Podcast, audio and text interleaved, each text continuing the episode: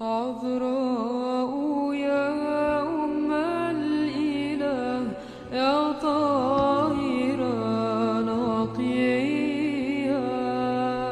La det forgjengelige lys fra din åpenbaring skinne i våre hjerter, o menneskekjære Herre. Måtte du opplyse våre sinn når vi leser om dine hellige tjenere. Lær oss ved deres eksempel å leve i lyset, slik at også vi kan leve for deg, vår Herre og velgjøre, for du er god og elsker menneskene.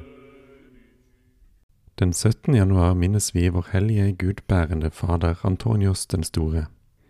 Den hellige Antonios regnes som klostervesenets grunnlegger og er blitt kalt alle munkers far. Han var født ca. år 251 i en liten landsby som i dag ligger midt i Egypt. Hans foreldre, som var fornemme og rike kristne, oppdro ham i tro og gudsfrykt. De påtok seg selv guttens oppdragelse, for eh, Antonios viste ikke interesse for de andre barnas støyende leker, og viste forakt for de verdslige vitenskapene. Han gikk bare ut av huset da når han skulle til kirken, og der fulgte han oppmerksomt med under lesningen av evangelietekstene og de andre hellige bøkene, og fortellinger fra de helliges liv. Da Antonios var ca. 20 år gammel, døde foreldrene, og han arvet en stor formue etter dem, og han ble også ansvarlig for sin yngre søsters oppdragelse. En dag da han bega seg til kirken og tenkte over apostlene og de første kristnes fredelige liv, fri for all bekymring, hørte han lesningen av disse ord fra evangeliet. Hvis du vil være fullkommen, så selg alt som du eier, gi det til de fattige, og kom så og følg meg. Matteus 1921. Overbevist om at de var talt for han alene, gikk han så og fordelte uten opphold alle de jorder og andre eiendeler som han hadde, til sine naboer. Han solgte møblene og utdelte pengene til de fattige, og han beholdt bare for seg selv det mest nødvendige, slik at han kunne gifte bort sin søster. En annen gang, etter at han hadde hørt i kirken disse ordene lese høyt, Vær ikke bekymret for morgendagen, Matteus 6,34, besluttet han å gi endelig avkall på verden, og utdelte resten av sitt gods og betrodde sin søster til en ærbar person, og forlot sitt hjem for å begynne det asketiske livet. Men på denne tiden eksisterte det ikke noen etablerte klostre. Man kunne bare finne noen få mennesker som levde i faste og bønn utenfor deres egen landsby. En av disse eldste levde ikke så langt derifra, og Antonios satte seg fore å etterligne ham. Også han innrettet seg på et avsides sted hvor han med ånden fri for all bekymring og fri for all erindring om sitt tidligere liv, arbeidet med sine hender og utdelte det han fikk, til overs til de fattige, og grunnet på de hellige bøkene og bestrebet seg på, urokkelig, å passe på bønnen i sitt hjerte. Og hver gang han hørte noen eneboers dyd bli priset, begav han seg hen med en gang og la merke til ydmykheten hos noen, askesen og utholdenheten i bønnen eller beskuelsen hos andre, og etter at han hadde vendt tilbake til sitt eget oppholdssted, bestrebet han seg på å samle alle disse dydene hos seg selv. Det djevelen som misunner alle gode gjerninger hos menneskene, kunne ikke utholde å se en slik iver hos en så ung mann, så han besluttet å gå i krig mot ham. Først vakte han hos ham erindringen om de fordelene han hadde forlatt, og om hans søster som han hadde etterlatt, og om alle fornøyelsene han hadde forlatt i sitt gamle liv. Deretter forestilte han ham på forferdelig måte det asketiske livets vanskeligheter, hans legemes svakhet, den lange kampen han måtte utholde i årevis, og en hel tykk sky av alskens tanker. Da Antonius motsto disse angrep med fasthet i sin tro, tålmodighet og vedvarende bønn, gikk den onde til angrep på en annen front, han framstilte ukyske tanker for hans ånd og hisset hans ungdommelige følelser med en mengde utuktige innskytelser. Da han så at Antonios holdt seg godt, antok han skikkelse av en kvinne som med frekke bevegelser innbød ham til synd. Men Kristi tapre soldat støtte Satan tilbake med erindringen om helvetes pinsler. Da viste den overanstrengte djevelen seg for ham under utseendet av et heslig og skummelt barn, og idet han presenterte seg for ham som umoralens ånd, erklærte han seg overvunnet av Antonios. Overfor dette rent ut latterlige syn støtte Antonios ham bort med forakt idet han sang Herren er min hjelp, og jeg vil forakte alle mine fiender. Salme 117. Han var faktisk overbevist om at det ikke var han selv som hadde vunnet første seier, men Guds nåde som var med ham. Første Korinterbrev 1510. Derfor var det at han, vist advart av de hellige skrifter om djevelens mangfoldige anslag, ikke lot seg selv falle i søvn i en bedragersk sikkerhet, men at han sikker på sin vakt arbeidet med enda større omhu på å trellbinde sitt legeme, av frykt for at han, skjønt han hadde vært seierrik i én kamp, skulle befinne seg beseiret i en annen. Da han fra nå av hadde styrket sin beslutning med en hellig vane, merket han ikke mer besvær ved ofte å tilbringe en hel natt i bønn. Han spiste bare en smule brød og salt hver annen dag, og nektet seg selv all menneskelig trøst. Han glemte den tiden som allerede var tilbrakt i denne livsformen, og strebet uten opphold lengre fram, Filippabrevet 3.14, og betraktet hver dag som begynnelsen på sin askese, og gjorde profeten Elias ord til sine, Herren er levende, og jeg skal i dag vise meg for hans nærvær. Første kongebok 1815. På den måte gikk han over til angrep og valgte en av de gamle gravene som var gravd av hedningene, til sitt enebo. Satan kom for å overfalle ham om natten med en hel flokk demoner. De overdenget han med mange slag, og de etterlot ham på jorden full av sår. Da den vennen som sørget for hans proviantering, oppdaget ham slik, halvdød, overførte han han i hast til kirken. Men så snart Antonios kom til bevissthet, ba han sin venn om på ny å bringe ham til graven. Ute av stand til å stå oppreist ba han liggende og utfordrende, dristig djevlene. Disse trengte i mengde inn i graven og tok skikkelse av all slags villdyr og kryp. Den gjeve kjemperen ble angrepet fra alle sider, men han slo dem tilbake ved å rope kraftig. Hvis dere hadde noen kraft, var en av dere nok til å felle meg, men da Herren har tatt kraften fra dere, forsøker dere å forskrekke meg med deres antall. Det er riktig tegn på deres svakhet at dere er nødt til å ta skikkelse av dyr som er utenfor stand. Hvis dere har noen makt mot meg, kom så, ikke nøl lenger, men gå til angrep. Hvis dere ingenting kan, så er det nyttesløst å prøve å, å spille. Korsets tegn og troen er mitt uinntagelige vern. De avmektige djevlene var nødt til å skjære tenner av raseri. Til slutt kom den Herre Jesus Kristus ham til hjelp og drev mørkets ånder på flukt, idet han viste seg fra himmelens høyde, omgitt av et strålende lys. Antonios spør han, Hvor var du, Herre, hvorfor har du ikke tidligere gjort ende på min kamp? Kristus svarte han, Jeg var der, ved din side, men jeg ville være tilskuer til din kamp. Ettersom du har stått imot med et slikt mot, vil jeg fra nå av alltid være din beskytter, og jeg vil gjøre ditt navn berømt på all jorden. Antonios, som da var 35 år gammel, fant seg etter disse kampene oppflammet av en overstrømmende iver, og besluttet å trenge lenger inn i ørkenen alene. Han kom frem til Nilens østlige bredd, og fant på fjellet der et gammelt, forlatt fort, og etter å ha forjagd de krypdyrene som bodde der, innrettet han seg der i den mest fullkomne ensomhet, og forbød hvem som helst å komme dit. Han tilbrakte 20 år slik i dette enebo, og hvor en venn hver sjette måned kom og kastet brød inn til ham over muren. Men tallrike var de som var tiltråkket av hans rykte og kom dit. De ble utenfor og hørte en stor uro i det indre og djevlenes stemmer som skrek opp imot ham, siden han hadde kommet med så stor dristighet for å bo på deres oppholdssted.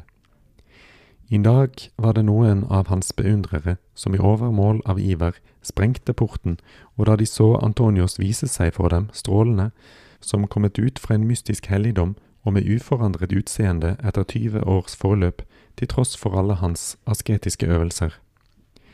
Han gikk da av med på å ta imot disipler i uendelig voksende antall, det var ca. år 306. Han grunnla to kloster, et øst for Nilen, ved Pispir, og det andre lå på den vestre bredden, ikke langt fra Arsinoe. Med hjertet i fred og tankeevnen urokkelig fast i Gud, hadde hellige Antonios evne til å forlike fiender ved sitt blotte nærvær, til å få kjærlighet mellom menneskene til å herske omkring seg og til å helbrede syke med sin bønn. Inspirert av Den hellige ånd underviste han sine munker i den åndelige kunnskap. Han anbefalte dem aldri å la seg gjøre motløse av prøvelser, eller å slå av på deres første iver, men tvert imot å la den vokse fra dag til dag, idet de tenkte på apostelens ord, jeg dør daglig, 1. Korinterbrev 1531. Han sa, la oss strebe oss på ikke å eie noe bortsett fra det som vi kan ta med oss i graven, nemlig kjærligheten, mildheten, rettferdigheten. Dyden, det vil si Guds rike, behøver bare vår vilje for at den kan finnes i oss selv. Dyden består i virkeligheten av ikke noe annet enn å bevare den åndelige delen av vår sjel i den renhet og skjønnhet som den er skapt i. Ved å bruke årvåkenhet for å vokte vårt hjerte mot onde tankers besudling, mot framkallelse av lyster og mot opphisselse til vrede, kan vi motstå angrep av djevlene. Demonene omgir oss og prøver på alle mulige måter å hindre de kristne å komme opp til himmelen for å innta de plassene som de selv har jaget bort fra på grunn av deres hovmod og opprør. Det er ved å holde ut i vedvarende askese og mye bønn at vi ved Den hellige ånd kan motta den nådegave og skjelne åndene for å kunne motvirke deres angrep. De angreper oss først med onde tanker, og deretter, hvis vi har støtt dem tilbake ved tro, faste og bønn, kommer de tilbake til angrep med forskjellige fantasibilder i håp om å forskrekke oss. Når de på ny er støtt tilbake ved Kristi makt, så prøver de å bedra oss ved å late som om de kan forutsi kommende begivenheter, noe som bare Gud alene formår, men som de kan prøve å etterligne takket være deres ulegemlige naturs smidighet. Hvis de ennå finner oss urokkelige, så viser deres fyrste, Satan, seg selv i all sin prakt omgitt av et bedragersk lys, et bilde på den ilden som er beredt for ham selv i evigheten, og inngir oss syner, åpenbaringer, asketiske bedrifter og all slags snarer for å få oss til å falle i hovmod og bedrag. La dere ikke skremme av alle disse angrepene. Siden de har tapt sin makt på grunn av vår Herre Jesu Kristi inkarnasjon og ikke kan finne hvile, er de tvunget ned for å true oss med ord, og spetakler og forgjeves spøkelsessyner. Hvis de hadde noen makt, trengte de ikke å utfolde en slik mengde av knep, og hadde for lengst stanset de kristnes tilvekst og fremgang. Det er Gud alene vi bør frykte, og hva djevlene angår, bør vi langt fra ha fryktsomhet overfor dem, og ikke ha annet enn forakt. For det er ikke noe de er mer redd for enn munkenes faste, deres ydmykhet, deres tålmodighet, deres kjærlighet til Gud og til deres brødre. Hvis dere får noe syn, så la dere ikke forvirre, men spør den som viser seg, hvem er du, og hvor kommer du fra? Hvis denne visjonen er hellig, så vil straks all tvil forsvinne og deres frykt vendes til glede, men hvis den er fra djevelen, vil den straks ta flukt når han ser deres fasthet. Alle disse prøvelser er gagnlige for dere. Uten fristelser så vil ingen bli frelst. Som følge av hellige Antonios innflytelse ble ørkenen nesten for en by å regne, befolket med mengder av munker som hadde gitt avkall på verden for å bli borgere i den himmelske by. Alle disse klostrene lignet på tempel, hvor mennesker samlet i en ren harmoni i dette ene formålet å tilbringe deres liv ved å synge salmer og tenke over de hellige skriftene, faste, be i glede og i håp om de kommende goder. Så ble Maximinus Daia keiser i Romerriket. Han styrte fra 308 til 313, og under hans styre begynte forfølgelsens ild å tennes igjen. Og det fortelles at blodet rant i gatene i Alexandria. Antonius, som brente av ønske om at også han måtte nå til fullendelsen ved martyriet, bega seg til Alexandria og utsatte seg dristig for fare ved å stille seg i tjeneste for bekjennerne, besøke dem i deres fengsler og i minene og oppfordre dem til å holde ut inntil enden. Men til tross for hans ønske om å få del i dette lodd, bevarte Gud han til andre kamper. Han ble ikke arrestert og vendte tilbake til sitt kloster, og der fortsatte han sitt ublodige samvittighetens martyrium, i det han fordoblet sin askese. Skjønt han eh, forble avsondret, fortsatte han med å gjøre under, og de besøkende holdt ikke opp med å strømme til. Derfor besluttet han å trekke seg tilbake enda dypere inn i ørkenen. Han sluttet seg til en beduinkaravane og kom til fots til Kolsimfjellet, som ligger i ørkenen ved Det røde hav, tre dagers gange fra Nilen. Der slo han ned etter å ha fått en bekreftende åpenbaring fra Gud. Da det kom ville dyr og skitnet til vannet fra den kilden som rant der, jagde Den hellige dem forsiktig vekk bare ved lyden av sin stemme. Han dyrket en liten hage der til sitt opphold, og unntatt noen sjeldne besøk av hans disipler, kunne han uten opphør hengi seg til beskuelsen og til kampen mot de rasende demonene. Etter flere års forløp gikk Antonius, som allerede var en gammel mann, med på å reise tilbake for å besøke sine disipler i Pispir ved Nilens bredde. Underveis lot han vann springe fram i ørkenen for å gi til sine reisefeller, som var overveldet av tørst, slik at de kunne drikke. Stor ble gleden med gudsmannens tilbakekomst, og alle munkene fant ved hans besøk anledning til å fornye deres iver i dydens kamper. En stor mengde fulgte ham da han reiste tilbake til fjellet. Noen ba om helbredelse for deres sykdommer, andre kom for å få trøst og undervisning for sjelen. Den hellige gav alle etter deres behov, slik Gud selv gjør det. Han brøt ikke tausheten uten først å ha fått en tilskyndelse fra Den hellige ånd, og da talte han ved bruk av ord fra Den hellige skriften, som om han selv var dens forfatter. Han kunne tillitsfullt si, Jeg frykter ikke mer Gud, men jeg elsker Han, for den fullkomne kjærligheten driver frykten ut. 1. Johannes brev 4,18. Derfor var det at han i sin undervisning særlig la vekt på den broderlige kjærligheten og hjertets renhet. Han sa videre, Vårt liv og vår død er avhengig av vår neste. Hvis vi vinner vår bror, er det Gud vi vinner, men hvis vi for vår bror er en anledning til synd, så er det Kristus vi synder mot. Som en far som er full av medlidenhet, visste han på passende tidspunkt å mildne sine disiplers askese med noe gøy, og han overleverte dem den lærdommen som han selv hadde fått av en engel, at de skulle veksle mellom ren bønn, salmesang og manuelt arbeid for slik å kjempe mot kjedsomheten. Han betraktet deres lidelser som kom for å oppsøke ham som sine egne, og ba for alle. Når Gud ved hjelp av han utøvde en helbredelse, brakte han takk, og når han nektet ham den, brakte han også takk og oppfordret de ulykkelige til å forbli i håpet. En dag ble hellig Antonios under sin bønn henrykt i ånden og løftet legemlig i været av englene, som fjernet den horden demoner fra ham som uforskammet ville ransake hans atferd fra hans fødsel av.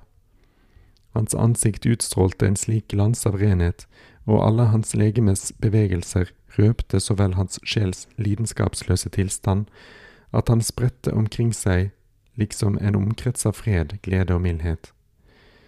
Uten at han trengte å gi seg til kjenne, ble alle som så han, uimotståelig dratt til ham. Han kunne lese i deres hjerter som en åpen bok, og som en dyktig lege ga han dem alltid den egnede lekemiddel.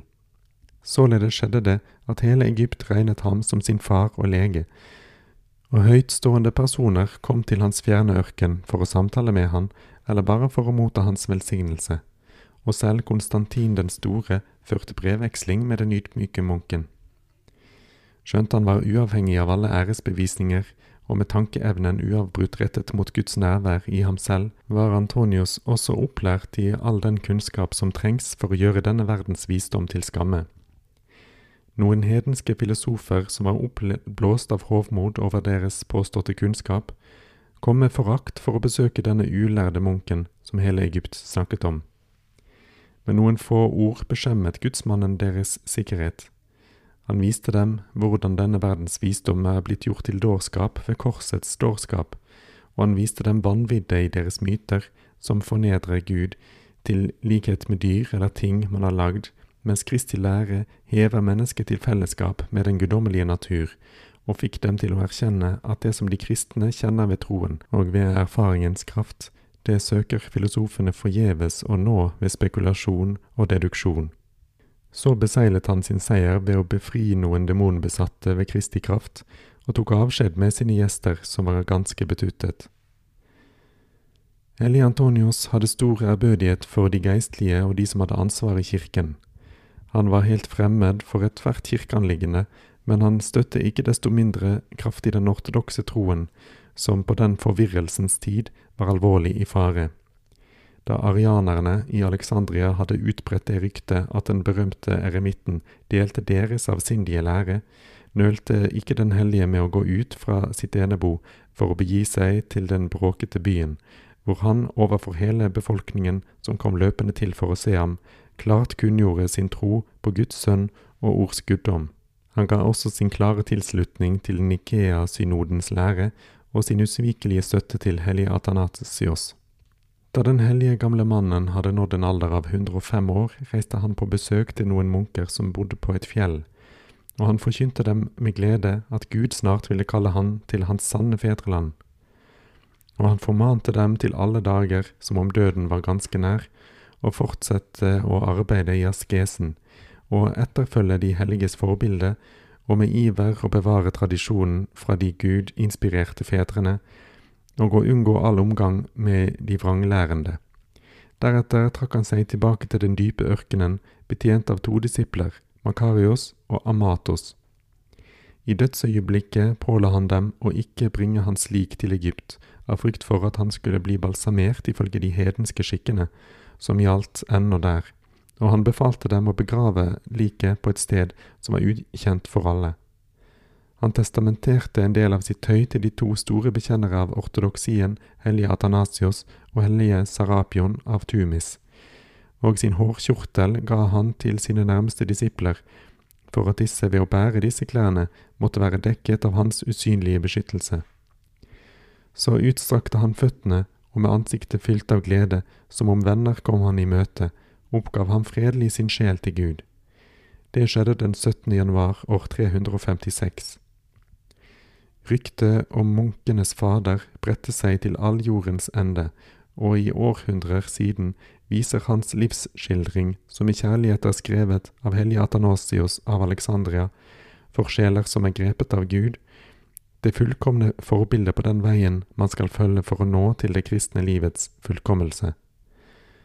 Det later til at hellige Antonios lik ble funnet som følge av en åpenbaring i år 561 og overført til Alexandria. Cirka år 635 ble det under trussel om arabisk invasjon overført til Konstantinopel, og ca. år 1070 brakte, etter vestlig tradisjonsvitnesbyrd, en mann fra Dauphin en del av hans relikvier til Frankrike, hvor de ble gjenstand for en berømt valfart. of the road.